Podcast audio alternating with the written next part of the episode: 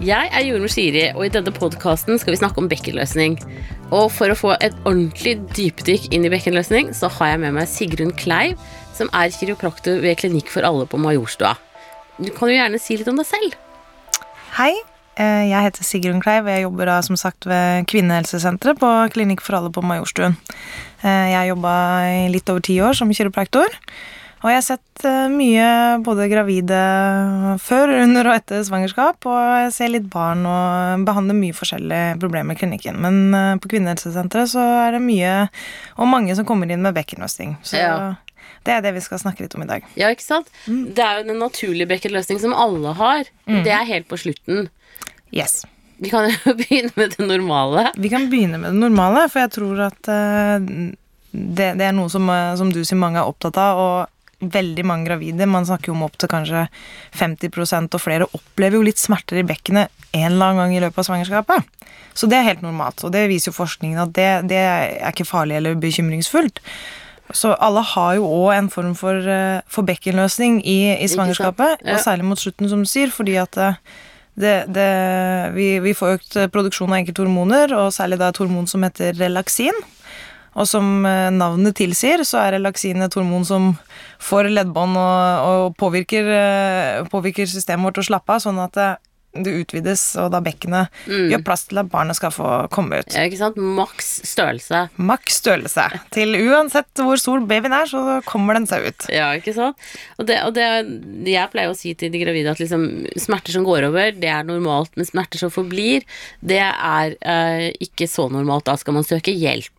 Eh, og bekkenløsning er jo ofte en sånn type smerte som forblir, men som ikke nødvendigvis er så farlig. Eh, Det er helt korrekt, og det, det man har funnet ut, da, er jo at de som går med smerter etter fødsel også, og går med det lenge Hvis man går med det i, i månedsvis etter fødsel, så har man en større risiko for å ha vondt flere år frem i tid. Så hvis man opplever etter fødselen at øh, den bekkensmerten man hadde, enten det var av bekkenløsning eller andre problemer i bekkenet, fortsetter å vedvare i lang tid etter fødselen, da må man i hvert fall gå og sjekke det, for det kan være et problem som da vedvarer, og det er særlig de eh, som ikke blir så bra som man hadde håpet i, i månedene etter fødselen, som, som, bør, som bør oppsøke hjelp og få en, en skikkelig diagnose og, og finne ut av hva som er galt. ja, ikke sant? Men det hjelper jo å komme til deg også i graviditeten. Absolutt. Og, og det er noen vi, vi har jo denne, Alle har jo denne bekkenløsningen da i graviditet, sånn at bekkenet endrer seg jo mye, og det skjer mye forskjellige ting. Og noe av det kan man gjøre noe med, og noe av det kan man ikke gjøre så mye med. Nei. Så eh, det som kanskje jeg som kiropraktor ser veldig mye av, da, det er jo bekkenlåsning. Ja. Og det er at bekkenet plutselig har låst seg, og den kommer ganske akutt. Eh, og det kan være tilfeldig at den kommer når man er gravid, men det kan jo være at man har gått med litt småfunksjonelle problemer før man ble gravid, og så er det klart, da hjelper det ikke å bli tyngre, og, og bekkenet endrer seg jo. Ja? For der har jeg snakket med gravide som sier at de blir liksom bare stående på stedet hvil. Akkurat der hvor de er på gata, liksom. På fortauet så må de bare stå til de gir seg. Ja. Det må vel være en sånn typisk sånn låsning, det, da. Det er nok en typisk låsning. Ja. Og det som kjennetegner en, en bekkenlåsning, er jo det at den ofte sitter på ei side. Ja. Kan sitte på begge sider, men det er veldig sånn typisk at man kjenner at det liksom ei side der er det stivt og vondt, og den sitter på baksiden eh, for det meste, og det, den er ganske sånn karakteristisk. Men, men de som opplever å få en sånn låsing sånn at du rett og slett faktisk blir stående, er det noen sånn bevegelse man kan gjøre der og da bare for å løsne opp sånn at man kan greie å gå videre? Sånn, sånn det er jo, Da har det jo på en måte stoppet seg litt for, for nervesystemet og kroppen din, da, så da, da er det jo det å prøve å få i gang litt bevegelse igjen. Jeg ville jo tenkt sånn, Hvis man står bom fast på gaten og ikke er hjemme hos seg selv og ikke har noen mulighet til å legge seg ned, så ville jeg jo prøvd å kanskje rett og slett gjøre litt sånn sirkulære hoftebevegelser og prøve å bare Ja. hva skal jeg si, restarte systemet litt. Bevege sånn litt. Ja, rett og slett bevege litt på hoftene og rumpa og prøve å liksom eh, aktivere litt muskulatur. Prøve å puste litt, slappe litt av og se om man klarer å, å få muskulatur nå til å, til å jobbe litt på lag, da. Men uh, hvis man er hjemme hos seg selv eller hos noen et sted hvor man kan legge seg ned, så går det jo an å hvis man ikke er helt altfor langt på vei, så går det an å prøve å legge seg ned og så, og så tøye litt òg, ikke sant. Hvis man kjenner at man blir stiv på baksiden, så er jo særlig rumpemuskulaturen og, og låret fint å få strekket ut. Og det jo, blir jo mer og mer komplisert desto lenger i svangerskapet man har kommet, fordi også magen kommer i veien for noen av de litt gode tøyningsøvelsene, da. Ja. Så det blir jo litt, litt vanskeligere.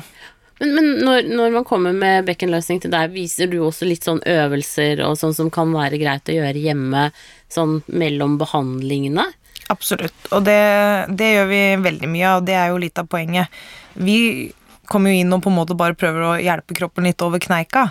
Og så prøver vi å gi råd og veiledning rundt hva kan man gjøre selv, både i den akutte situasjonen man er i, liksom. Kan man, får man tøyd ut noe, er det mulig å strekke litt på muskulatur som har gått i stå. Eh, og så er det òg fint å bruke ball når man er gravid. En tennisball eller golfball eller en sånn knotteball eller et eller annet. Så da ja. kan man jo gjerne stelle seg opp etter en vegg og få trykket inn i ryggen og i setemuskulaturen og sånn, som ikke er så lett. Der hvor man liksom har vondt? Ja, man kan bruke det som en sånn trykkpunktbehandling, da å få trykka litt inn hvis man kjenner f.eks. at man blir veldig stiv i, i, rumpa eller blir veldig stiv i ryggen, så er det fint å bruke en sånn ball og prøve å, å myke opp litt med det. Og da kan man jo gjøre det stående òg hvis man syns det er vanskelig å, å ligge. Det er jo kjempelurt. Det er veldig lurt. Hvorfor har man kjøpt sånne piggeballer, da? Altså, Vi selger det på klinikken, men det vil jeg tro man kan få i mange butikker. Sånn sportsbutikker og sånne ting òg.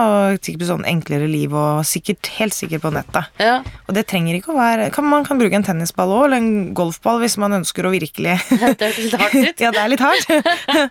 Så det hvis man ønsker å trykke lykke til, så kan man jo bruke en golfball òg, men jeg tror jeg ville kanskje i hvert fall begynt med en tennisball, eller noe som er litt mykere, og så prøve å finne de punktene hvor man kjenner Og der er det stivt og vondt, ja. og trykke litt inn med en ball der. Ja, for da kan man liksom rulle med den ballen mellom seg og veggen, sånn at du, at du liksom ruller litt av og på den den litt vonde muskelen, da, kanskje? Det er det man kan. Ja. Og det, det, er kjempefint å gjøre, særlig rundt rumpa. Så noen bruker jo sånn foam roller, sånn skumrulle, er jo blitt veldig sånn trendy. Og, det er veldig vanskelig å bruke. Veldig vanskelig å bruke, og veldig vanskelig å bruke på rumpa. Og så er det vanskelig når man er gravid og kommer et stykke ut i svangerskapet og kommer inn i alle mulige posisjoner. Ja. Så det er så fint med de ballene, for de kan man gjøre stå nå. Ja, ikke sant, for da blir ikke presset så stort. Jeg har nemlig prøvd sånn derre skumrulle over, for jeg var så stiv på skinka. Ja. Og da Det var veldig vondt. Det ja, det er veldig vondt. Og det betyr jo egentlig at man er litt stiv, da, hvis ja, det er veldig vondt. Ingen tvil om det, men jeg ble liksom liggende oppå, så presset ble for stort. Presset ble for stort. Og da er det jo finere å kunne, å kunne bruke noe opp etter veggen, og derfor så syns vi Og ball er jo fint å komme opp langs bekkenkanten med. ikke sant? Ja. Mye som sitter i triggerpunkter og sånn rundt hofta og opp på, på, kantene, opp mot de to kulene vi kjenner bak, som er liksom toppen av, av bekkenet. Ja. Der hvor man kjenner to sånne klumper. Opp langs der sitter det mye sånne interessante smertepunkter som, som kan være med på å gi problemer. Så fint å bruke ball og komme sånn skikkelig inn i det. Det er, det er kjempegodt råd. Jeg har jo liksom Nå er jo ikke jeg faglært når det gjelder bekken, så jeg pleier å, å, å Altså liksom det, det, er bekken Du har låsningen, men så har du også en, en løsning, mm. på en måte, eh, som er mer hormonelt betinget. Ja.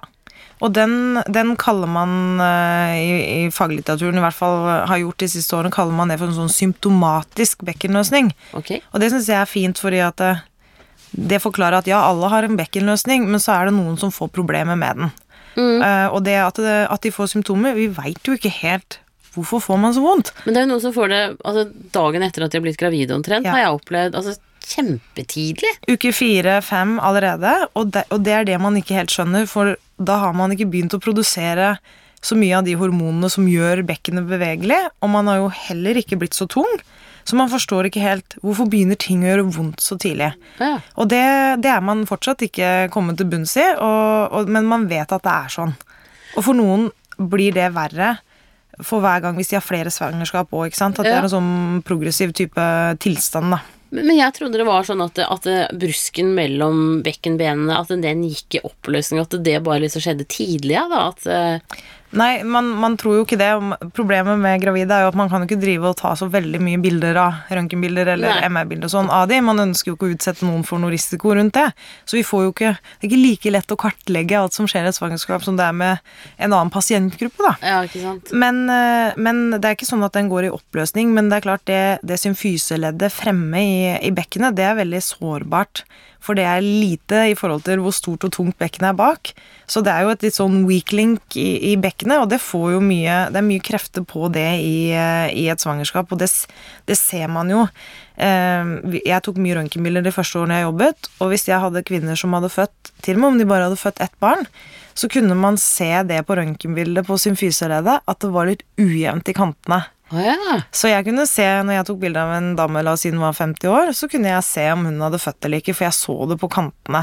Det er alt det samme med toppidrettsutøvere det er, og andre ting man kan gjøre som må lage mye Slitasje, liksom? Ja, der. Men man kunne se, det var nødvendigvis ikke så mye, men man så at der var det litt ujevnt. Oh, ja. Så det er klart at det, det, man kan ikke komme forbi at det er jo et høyt biomekanisk press på det området. På det. Ja, for jeg har jo lest en del når de finner sånne gamle egyptiske skjeletter og sånn, så kan de se de er, om de har født eller ikke, men da er det som du sier at det er rett og slett at du kan se at det har vært brukt. Man kan se litt det. Ja. I hvert fall fremme deg på det symfysleddet, og det, og det sier oss jo egentlig òg at ja, det er det leddet som får mye òg, og en av liksom, de diagnostiske kriteriene for en symptomatisk bekkenløsning, altså en sånn, la oss kalle det en skikkelig bekkenløsning, da, det er jo at man har vondt både foran og bak, og egentlig i bekkenbunnen og litt overalt, og gangvansker og mye smerter og problemer i daglig aktivitet og, og sånn. Det, og det er jo det er jo da når det leddet fremme begynner å bli involvert, at man kanskje begynner å, å, å ha vanskelig for å, for å, gjøre daglige ting, da. Ja. Det er jo veldig, veldig plagsomt for de som opplever det. Altså. Ja. Jeg har lært at noen, de som sliter med å gå trapper, f.eks., at det er lettere å gå baklengs opp trappa. Mm. Hvorfor det? Akkurat det veit jeg ikke, men Nei. man kan jo tenke seg til at da Altså, du bruker jo kroppen annerledes. Du aktiverer jo mer setemuskulatur, ja. og den er mer på lag enn Og så splitter du kanskje ikke bekkenet helt på samme måte som du gjør når du tar et vanlig skritt. Da Nei, du langer litt ut, så deler du jo litt veldig foran i, ved symfyseleddet. Mm. Så eh, blant de gravide jeg har som, som, velger å trene mye gjennom svangerskapet og trives med det, så er en av de første øvelsene de får problemer med og litt smerte med, er jo utfall. Ja. Når man går langer ut fremover og deler eh, bekkenet sitt litt uh, Kraftig. Ja, ja. Da kjenner man det veldig fort fremme. Så til og med de som trener fint og har lite symptomer på, på bekkensmerte i, i svangerskap, de sliter med den utfalløvelsen ganske tidlig. Ja, for jeg var nettopp nå borti en gravid som hadde begynt på yoga, da, for det skal jo være så bra. Mm. Men hun fiksa ikke det i det hele tatt pga. bekkenet. Mm. Hun fikk så vondt. Så da er det selvfølgelig bare å slutte, men jeg har liksom alltid tenkt på at det var sånn veldig sånn harmonisk ting man gjør, og så bare var det ille. Det skulle være beroligende, og så ble det bare helt traumatisk? Ja, nei. Når man sitter i sånn yogastilling, da, har du jo, da deler du jo bekkenet ditt ganske kraftig. Og jeg tror si sånn. man, man har jo liksom snakket litt i litteraturen om at det kan noen med forskere mener jo at det foregår en slags liten sånn inflammasjonsprosess, altså en sånn betennelsesprosess i, ja. i noen av leddene. Og det er klart, hvis man har eh, mye, mye vondt og, og, det er betent og irritert, og så setter man og, og, tøyer veldig på det, så er det klart for noen funker nok ikke det så veldig bra. Nei, Men det, det, er jo dette som er vanskelig med bekkenløsning, at du og jeg vi kan komme med råd og erfaring, og, men man må på en måte prøve litt og erfare litt selv òg. Mm. Dette fungerte for meg, dette fungerte ikke for meg. Ja. Og så har du vel den faktoren i graviditeten at du, du, det treffer deg ikke nødvendigvis dagen etter, men kanskje to dager etter hvis du har gjort noe skeivt. Ja. Eh, så, så man, i det at man prøver ut at man er litt sånn forsiktig, og så kan man heller øke eh, etter hvert, da. Kjempelurt. Og jeg pleier å si at det, det er ikke liksom de ni månedene der du skal komme i ditt livsform. Nei. Men bygge på det du har, gjør ting du er komfortabel med, og selvfølgelig være trening og aktivitet og, og, gjør det kroppen har lyst til, og man har lyst til selv, og, og, og kjenne på det. Men det er ikke da man begynner å trene hardt. Nei, ikke sant? det er jo ikke det. det. Men selvfølgelig, man gir jo råd, det gjør du som jordmor til de som ikke har vært noe fysisk aktive før de ble gravide, og prøve å få litt gode rutiner på det. Men det, det er som sagt ikke de, det er ikke de månedene du bruker på å komme i, komme i, form på. Det er mer sånn å prøve å vedlikeholde og, mm. og, trene og, og, gjøre trening som kjennes bra ut. Men sånn bekkenbunnsøvelser og sånn, er det positivt å gjøre? Sånn knipeøvelser, sånne ting. Har det en sånn stabiliserende faktor på bekkenet? Ja, det har det, fordi at eh, hvis du klarer å aktivere bekkenbunnsmuskulaturen riktig, så vil du automatisk etter hvert klare å aktivere den andre muskulaturen din mer riktig òg.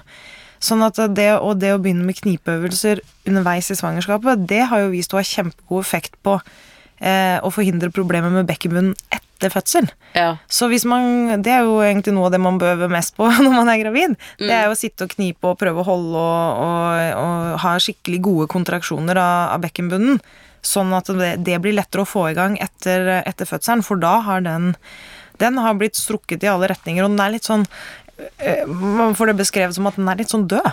Ja. Så rett etter fødsel så har den liksom switcha litt av og daua litt. ja. og så må man bare gå inn og prøve å fyre den i gang og, og få aktivert den igjen. Og det må man begynne med liksom så fort man uh, ha, ha, Får kontakt igjen. ja, får kontakt og, og har Men det skjer vel ofte etter et par dager at du begynner liksom å kjenne igjen bekkenbunnen din og Du gjør det, det. liksom, Jeg husker i hvert fall selv at det var jo fryktelig skummelt. Jeg skulle tisse første gangen og, og, og sånn, for du visste liksom ikke helt hvordan hva som skjedde.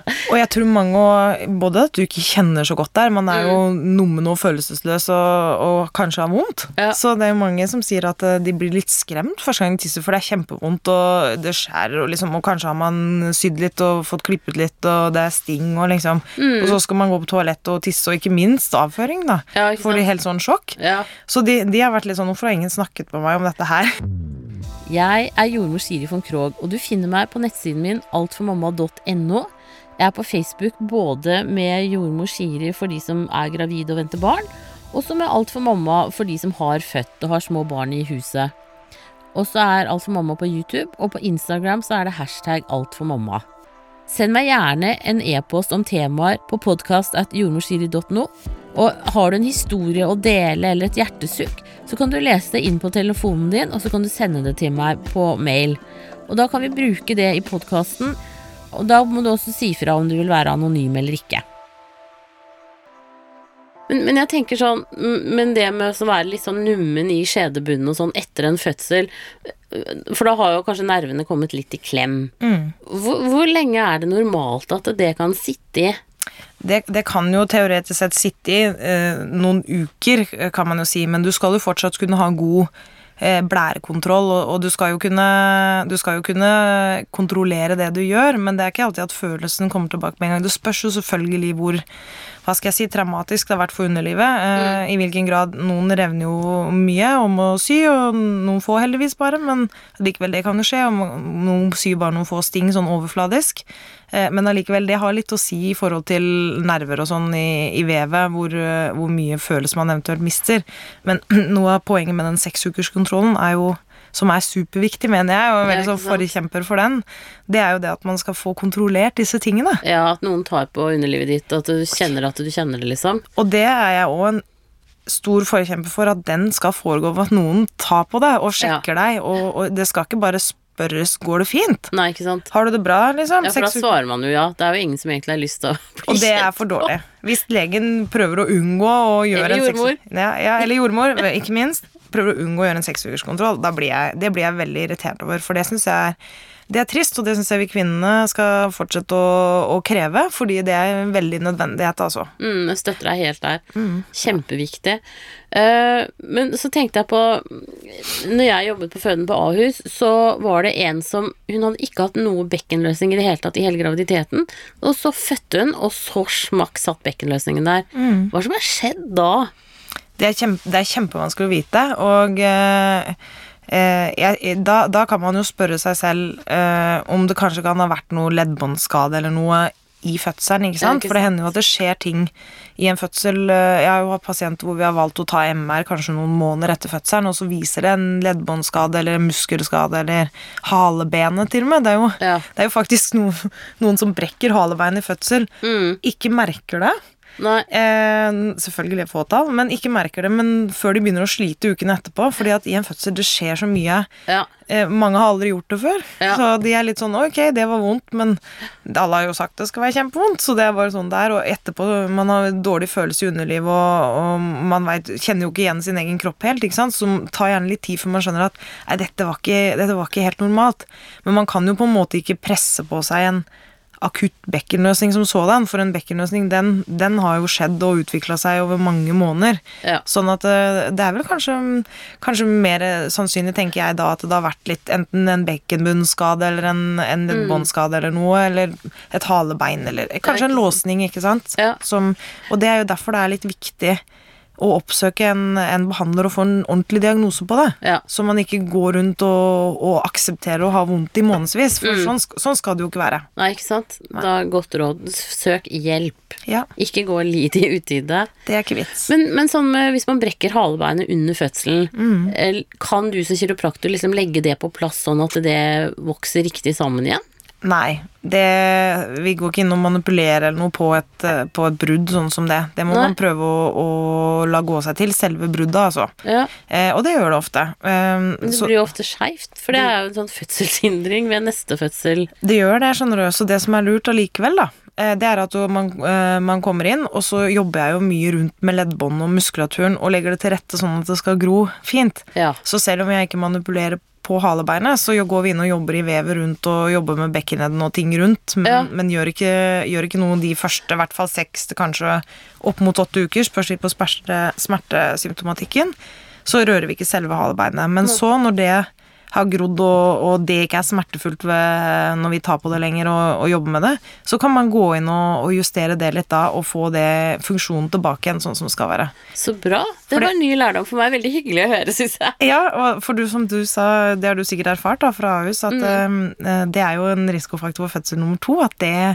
kan være en hindring da. Jeg vet ikke åssen du har Ja, absolutt. Altså, det kan være hindre at hodet kommer, eller at babyen kommer ut, da, og da er liksom valget Skal du knekke det en gang til, eller hva gjør du? Eh, og de som har hatt et knokket halebøyen, vil jo nødig ha det igjen.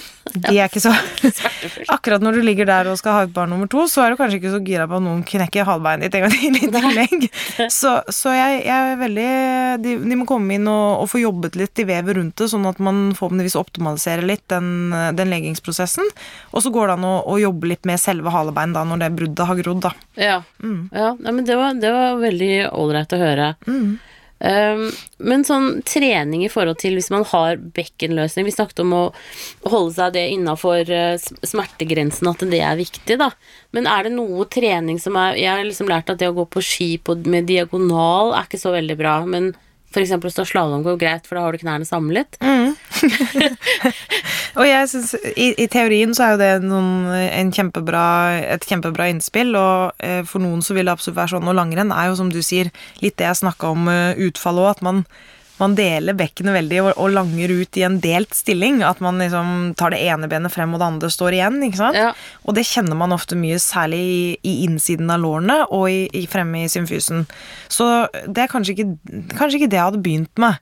Men eh, så, så den type trening kan jo være kanskje litt eh, utfordrende for eh, etter at man er født, men, men f.eks. svømming er jo noe når man kan begynne med det igjen, så er det noe som mange syns er innmari ålreit, for det er ikke så hardt og, og belastende for ledd hvis Syk- man er vond. Sykling, spinning Ja, og da er det jo bare litt å ikke Særlig de som har trent Altså Selv folk som er veldig godt trent, kan jo få problemer med å smerte med bekken og bekkenløs. og Det er ikke noe sammenheng med det. Det er jo ikke, det er ikke sånn at selv om man var i god form før svangerskapet, så blir det et lett svangerskap for det. om. Eh, dessverre. Så eh, selv om man er godt trent, så er det jo særlig for de å kanskje klare å holde litt igjen. Ja. Og ikke stå tråkke tungt og liksom eh, At man må begynne litt forsiktig. Vende kroppen til aktivitet igjen.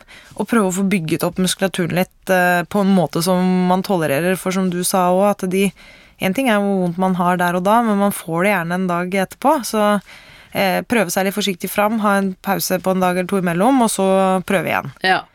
Veldig Mm, ålreit. Det er også har jeg ofte, eller ikke ofte, det er ikke mange, men det er jo noen som driver og rir, og da sier jeg alltid at, at, at så lenge det er behagelig, på en måte, så er det greit. Ene. Eh, men ikke, ikke begynn med det når du er gravid sånn for første gang. Det er jo ikke noe særlig. Det er, noe, det er litt risikofylt, kanskje.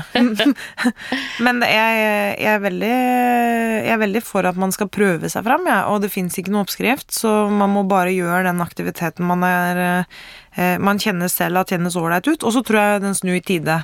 At hvis man går og prøver på en ting og kjenner jeg vet hva, dette, dette gjorde vondt, sjøl om jeg drev med det her eh, fram til noen uker før fødsel, så kjente man etterpå nei, dette fungerer ikke bra.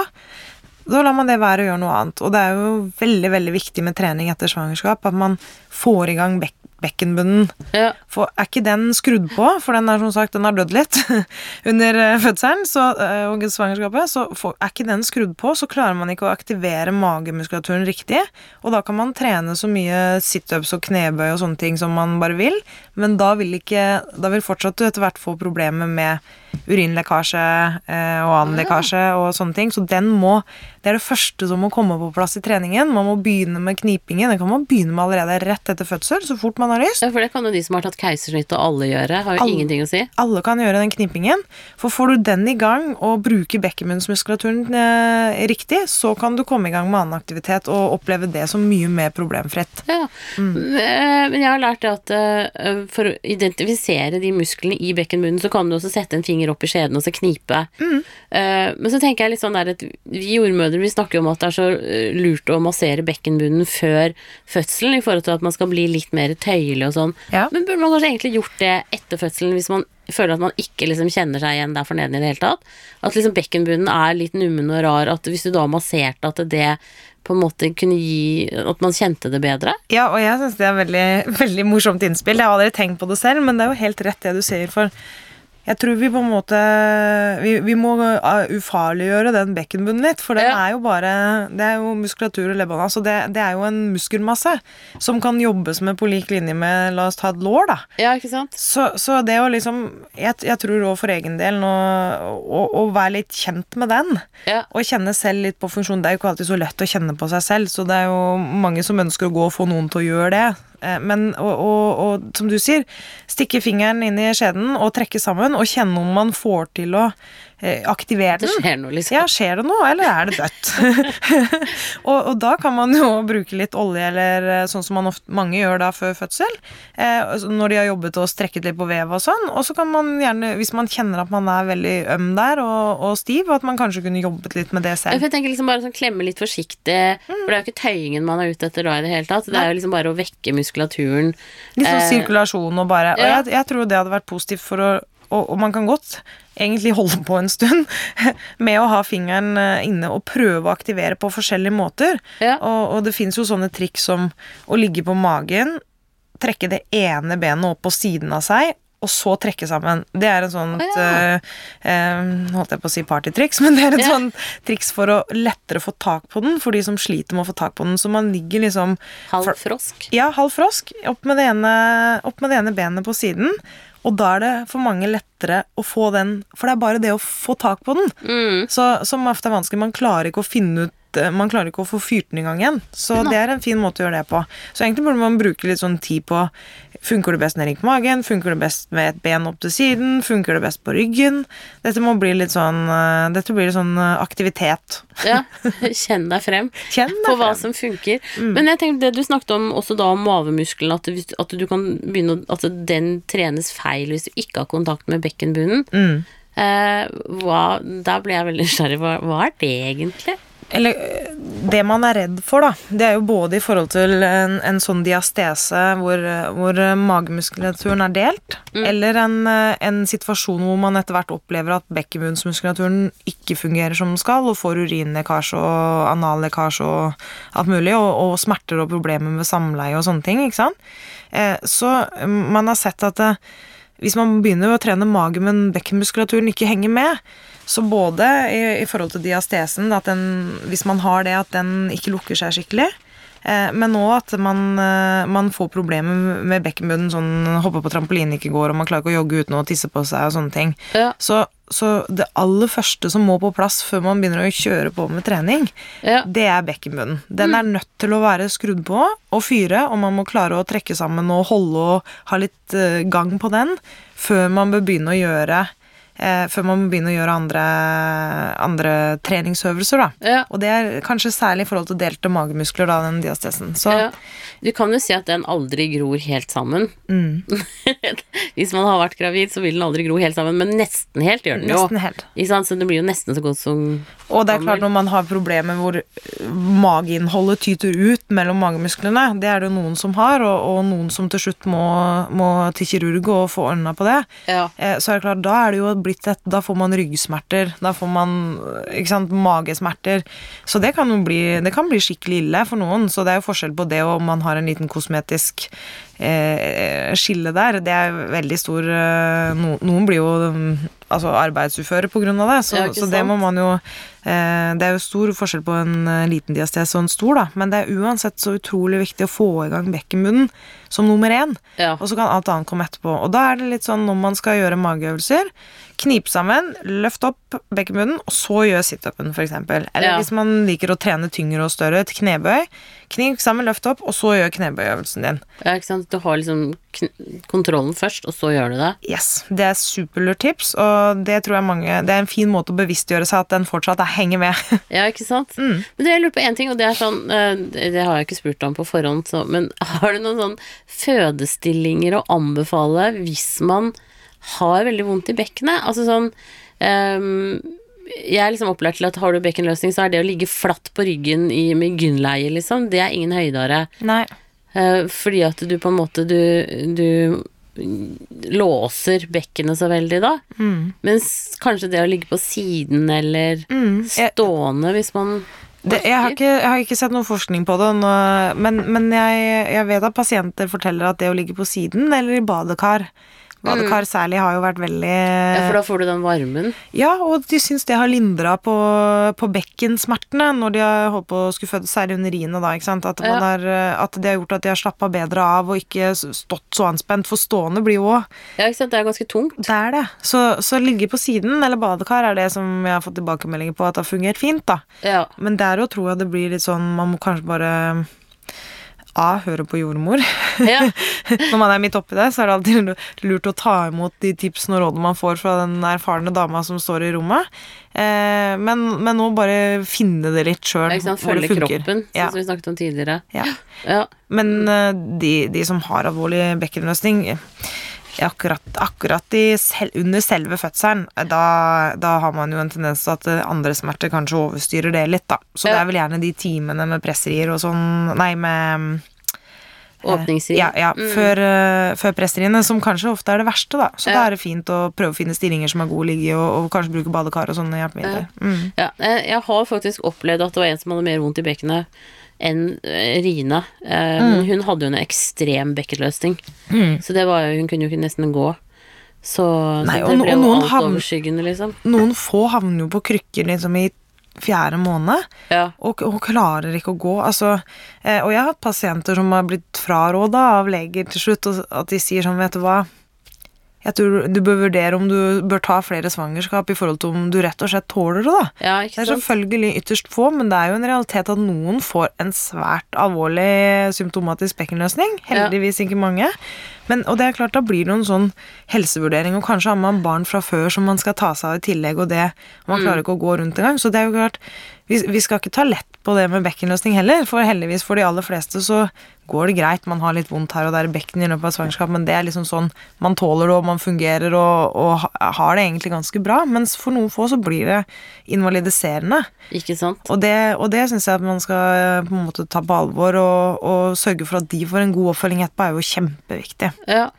Og der viser det seg jo at det med keisersnitt eh, ikke er spesielt gunstig. At de som har eh, eh, bekkenløsning, eh, symptomatisk eh, bekkenløsning i svangerskapet, eh, har, da har man større sjanse for å bli bra hvis man gjennomfører en eh, normal vaginal fødsel, kontra hvis man tar et keisersnitt. keisersnitt. ja, yes. Så det er jo spennende, og derfor så bør man jo kanskje være litt sånn Selv om man har hatt veldig vondt i bekkenet underveis, så blir det ikke, er det ikke bedre da å ta et keisersnitt enn en vaginal fødsel. Det er tvert imot bedre å, å føde vaginalt. Da har man større sjanse for at bekkenet blir bra igjen. Ja.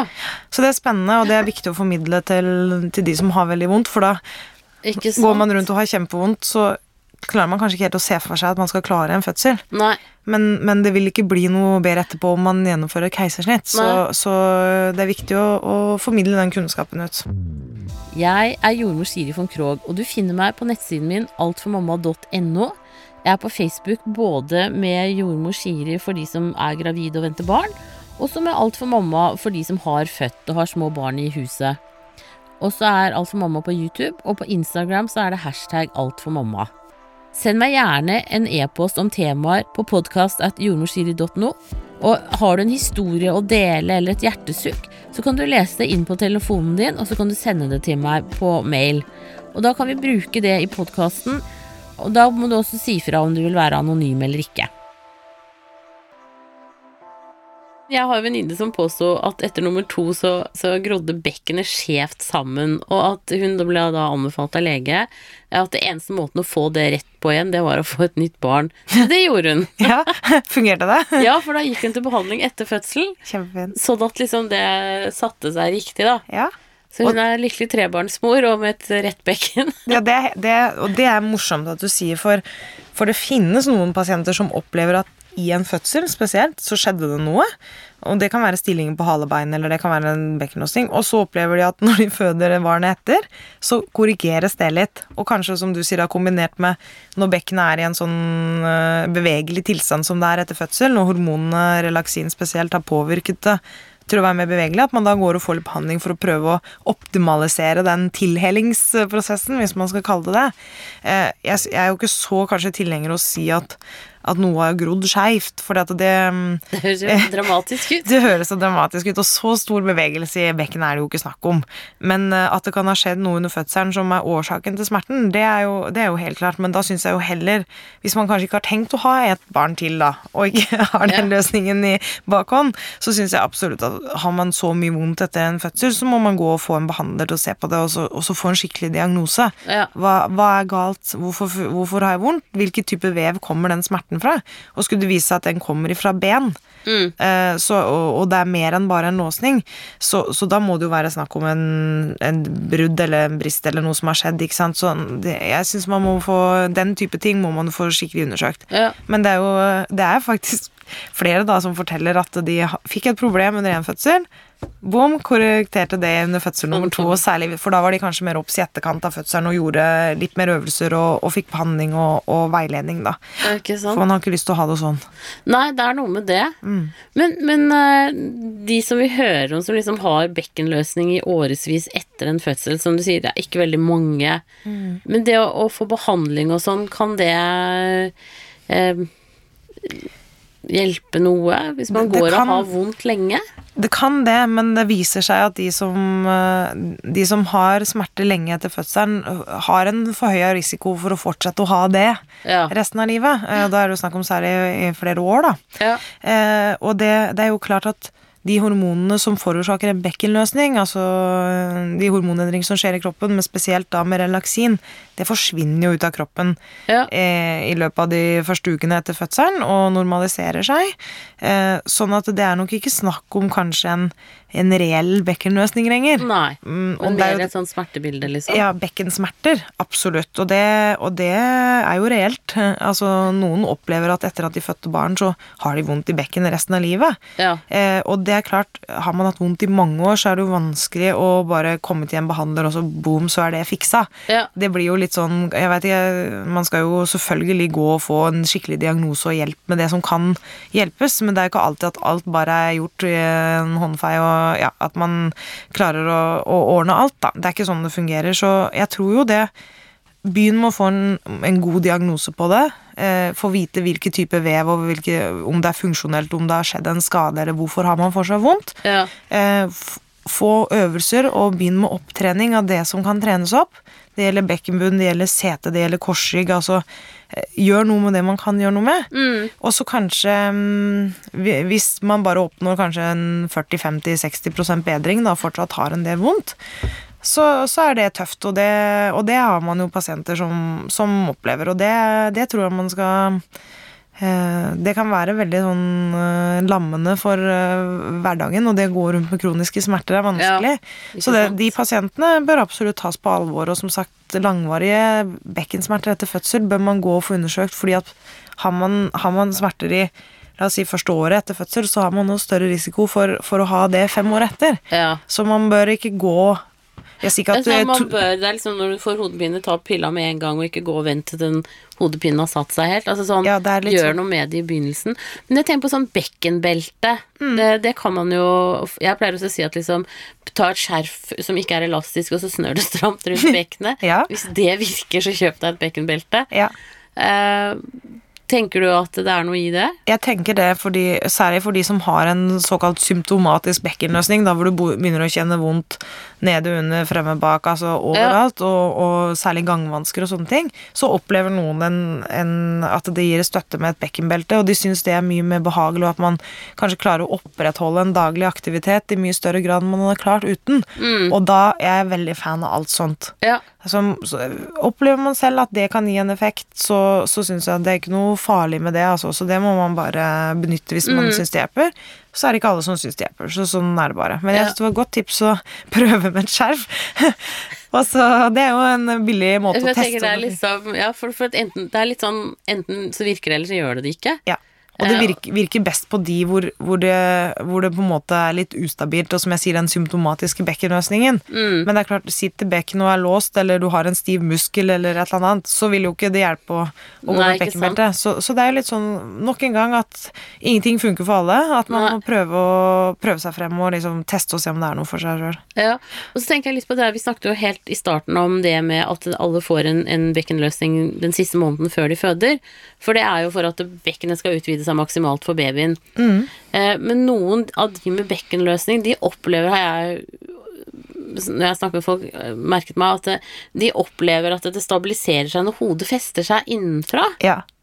At det liksom plutselig så forsvant bekkenløsningen. Ja, ja og, og, og da altså derfor så Det er jo derfor man nå i nyere litteratur og som begynner å gå litt mer vekk fra den bekkenløsningsbegrepet, da, for det blir litt sånn Det viser seg at det kanskje ikke er så på en måte eh, konkret som det vi har ønska, da. Eh, sånn at, og fordi alle får jo en bekkenløsning, som du sier òg, sånn at Ja. derfor så har det blitt kanskje litt sånn misbrukt eh, i perioder, da. Man har kalt liksom alle som har litt vondt i bekkenet, har en bekkenløsning, ikke sant. Ja. Og det har jo alle, egentlig. Så, eh, men det, er, det du sier der, er kjempefascinerende, for veldig ofte når hodet fester seg, så kommer babyen nå litt lenger ned. Og, eh, og da blir ikke trykket så høyt der oppe, og så setter den seg litt sånn godt ned i bekkenet, og da opplever mange at det gir mer stabilitet når Hva skal jeg si, den driver og bare flyter rundt. Ja. Ja, og, og at det, da de som gjerne særlig symfysen og, og litt stråling kanskje ned i bena og sånn, opplever at det blir bedre. ja. Men så kommer det jo andre ting da etter hvert hvor man blir litt tyngre og sånn, og så er det kanskje litt andre symptomer som eh, Ja. ja for det, det dreier seg om den siste. Men nå bare helt vilt spørsmål. Kan menn få bekkenløsning?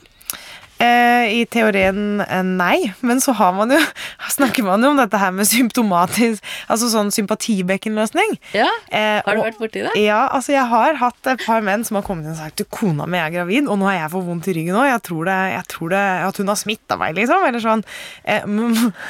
Altså, jeg, det fins ingen evidens for at det er reelt, men det er jo klart det at man skiller jo Altså, man er jo veldig Det er mye de- hormoner. Ja, ikke sant? De også kan jo plutselig begynne å bøtte på med litt relaksin. Ja, det kan hende at, det, at hvis han sover for tett Nei da, jeg bare tuller. Men eh, det, det, jeg har hatt pasienter som har liksom spurt meg om det går an, da, fordi at mennene har fått vondt i bekkenet når de har hatt vondt. Ja. Det finnes ikke noe forskning som tilsier det, men det er jo mye vi ikke forstår med altså, feromoner og hormoner og hvordan kroppene våre kommuniserer uten at vi Altså spesielt når vi er i berøring og sånn, så Ja, hvem vet? Kanskje om ti år så foreligger det noen studier på at eh, menn får bekkenløsning. Ja, for det, det som viser seg, er jo at de får jo like mye Altså menn som er mye hjemme med barna i permisjonstiden, Mm. de får jo mye av de samme sykdommene som kvinnene gjør. Så kanskje Kanskje, kanskje vi, vi, vi Kanskje det får bli neste satsa noe doktorgrad på bekkenløsning hos menn, men Nei, men stakkar, de kan veldig godt få bekkenlåsning vondt i bekkenet, de òg, så det er ikke noe, er ikke noe kvinneproblem som sådan. Så det,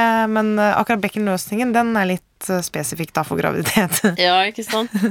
Uh, yes, da tror jeg at jeg Men, men sånn derre Hvor lang tid ville du sagt at det tar sånn mm, i snitt før et bekken setter seg igjen etter en fødsel? Sånn normalt sett. Jeg vil sagt at det, det skal ha blitt veldig mye bedre ved seksukers, øh, den ved den seksukerskontrollen. Så Ja. bør ting være med opp og gå, altså. Ja. Man skal ikke ha store plager da. Nei, Eh, for jeg har liksom lært at hormonelt og alt sånn, så er vi tilbake igjen etter tolv uker etter fødsel. Mm, absolutt. Og da, etter tolv uker, skal du være good to go, men jeg syns at uh, man skal ikke være kjempevond Nei, i eh, to måneder heller, altså. Man skal nei, ikke ikke det. sant? Det er litt lenge. Jeg syns det er litt lenge, eh, men eh, jeg syns jo òg at man skal eh, ta spesielt selve fødselen med i betraktning. Ikke sant? Keisersnitt og eh, Altså, var det mye skade? Ja. Var den veldig tøff? Brukte man mye tid på å komme seg sjøl? Måtte man ha blodoverføring? Altså liksom Ja, det er jo, Kroppen skal jo hente seg inn. Ja. Men hadde man en grei fødsel og hadde et flott svangerskap og ingen komplikasjoner og sånn, så, så skal man ikke ha plutselig uforklarlige smerter i to måneder etter fødsel, liksom. Det, så, Men, men sånn, det er, sant? det er jo veldig Når babyen blir født, så er det jo veldig trangt. Mm. Eh, når, kan et bekken bli skeivt av bekkenløsning, sånn at det på en måte eh, blir en fødselshindring? Nei, og dette er jo litt sånn eh, Nå er jeg jo inne på litt sånn eh, Hva skal jeg si synsing, da. Men jeg har jo opplevd at pasienter kommer til meg og har vært hos eh, enten kiropraktor eller manuellterapeut eller en annen type behandler, en naprapat eller hva som helst, og noen har sagt at eh, bekkenet deres er skeivt, og at det, vil være De vil ikke klare å føde ordentlig fordi at det er en låsning der, så det Ja. må liksom jobbes mye med. Hvis ikke så, hvis ikke så får de ikke født. Ja, så blir det keisersnitt, liksom? Ja, Ja. og det syns jeg er veldig, er veldig imot sånn type skremselspropaganda. Eh, og jeg syns det er litt sånn leit å formidle det, særlig hvis det er liksom unge førstegangsfødende. Ja. Så skal de gå og bekymre seg for det tillegg. Så det, det prøver jeg virkelig å spille ned eh, Ja. når, eh, når de kommer til meg. For det er jo heldigvis sånn at den prosessen som skjer i en fødsel, den er, eh, den er så drivende. Eh, og de hormonene og det som skjer da med bekkenet når den babyen skal ut, Ja. det, det bare skjer. Om du har en låsning bak i bekkenet da, så ok, den kan gjøre vondt. Det kan hende at når du ligger, så kjenner du det, og, og ja vel. Men du skal jammen være altså Det er jo sånn som vi snakket om når man har brukket halebein, og det Ja. ligger i feil stilling. Ok, da kan det være at, at barna sliter med at hodet står og stanger, men en vanlig låsning bak i bekkenet forårsaker ikke det. Nei, og ikke en vanlig bekkenløsning heller. Nei. Nei. Men har man en medfødt alvorlig sånn deformitet eller veldig smalt bekken, eller sånn, Ja. så er det ting som skal, som skal sjekkes på forhånd, og, og man klargjøres jo for en fødsel hvis det er noen sånn helt spesielle problemstillinger. Men en vanlig låsning eh, Men jeg tror jo det de fleste kommer til meg for med en bekkenlåsning, og, og i forhold til svangerskapet, det er jo at de har lyst til å de merker at de får vondt, så de klarer ikke å være i aktivitet, og kanskje ikke engang passe på barna sine eller hva som helst. At de, at de hindrer de fra å, å gjøre daglige aktiviteter og ting de har lyst til å gjøre. Så de klarer ikke å holde seg i form frem mot fødsel og sånn. Eller at de har lyst til å fullføre jobbingen frem til fødselspermisjon. Det er ikke sånn at det er ikke sånn at mange har lyst til å være hjemme og Nei, sjukemelde det har sånn. ikke jeg opplevd ennå, og jeg treffer ganske mange damer øh, Ja. og prater med en del. De har lyst til å være i jobb, og Alle de vil litt jo helst det. ligger, ligger litt prestisje i det å kunne fullføre fram til, eh, fram til de går ut i permisjon. Og, og det er stort sett derfor folk kommer for å få behandling. Fordi de merker at nå har det blitt så vondt at de kanskje ikke klarer å gjøre så mye fysisk lenger, og at det hindrer de. De har lyst til å opprettholde den fysiske formen frem mot fødsel, og at de har lyst til å være i jobb og kanskje ta seg av barna mine. Gjør daglige ting. Ja, ikke sant? Så, så det der med at en låsning kan gjøre at barnet, eller at det blir for trangt og barnet kommer ut, det, det er ikke reelt. Men, men samtidig, det er ikke morsomt å gå inn i en fødsel de siste kanskje tre-fire månedene, ikke har klart å gå, ikke har klart å eh, Man har vondt når man ligger, man har sovet dårlig. Altså, da har ikke det vært en optimal oppladning. Så det, det er nok kanskje det største problemet. Ja, ja. Mm. Og, så, og det er også det, apropos de siste fire månedene, eller hva man skal si. Altså, sånn, jeg kom på det med sexlivet. Mm. At det er klart at det er jo ikke så enkelt heller. Altså Misjonærstillingen er jo en killer Mm. eh, for en bekkenløsning. Det er veldig kjedelig. Ja. Mm.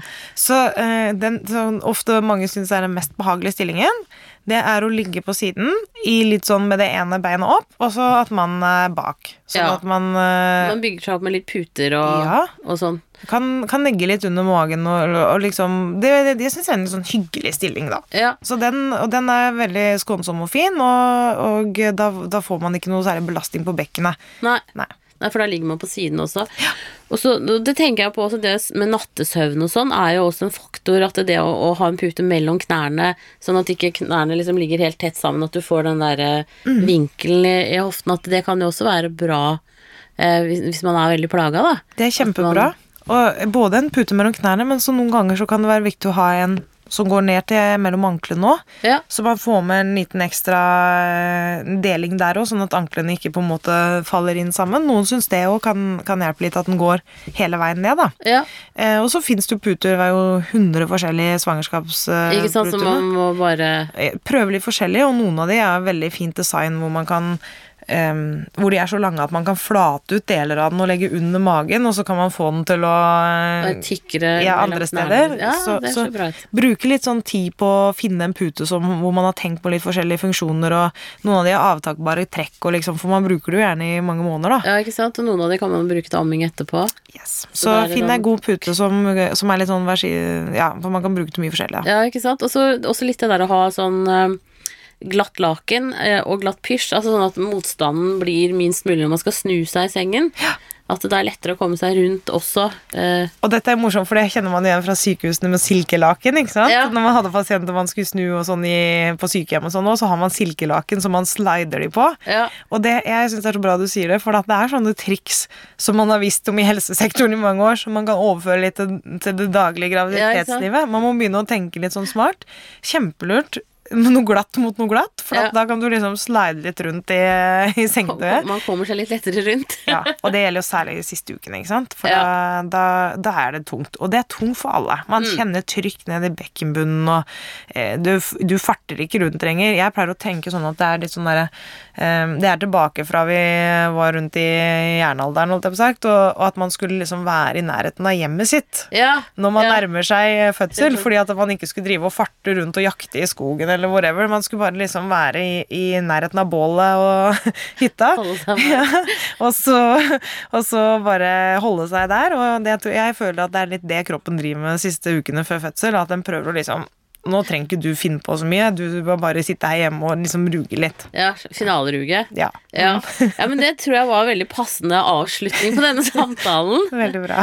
Så tusen takk til deg, Sigrun, fra Klinikk for alle på Majorstua. Mm. Eh, Du er kiropraktor, eh, og kommer helt sikkert gjerne tilbake og prater om andre ting også. Det gjør jeg gjerne. Det var veldig hyggelig å få komme. Tusen takk for det. Så tusen hjertelig takk. Um, og man finner jo deg på den nettsiden klinikkforalle.no. Mm. Eh, og meg finner dere på altformamma.no. Da ønsker jeg deg riktig lykke til videre, og husk å abonnere på denne podkasten, slik at du får varsel om nye episoder. Og opptakene er gjort hos Biovisjon Studios.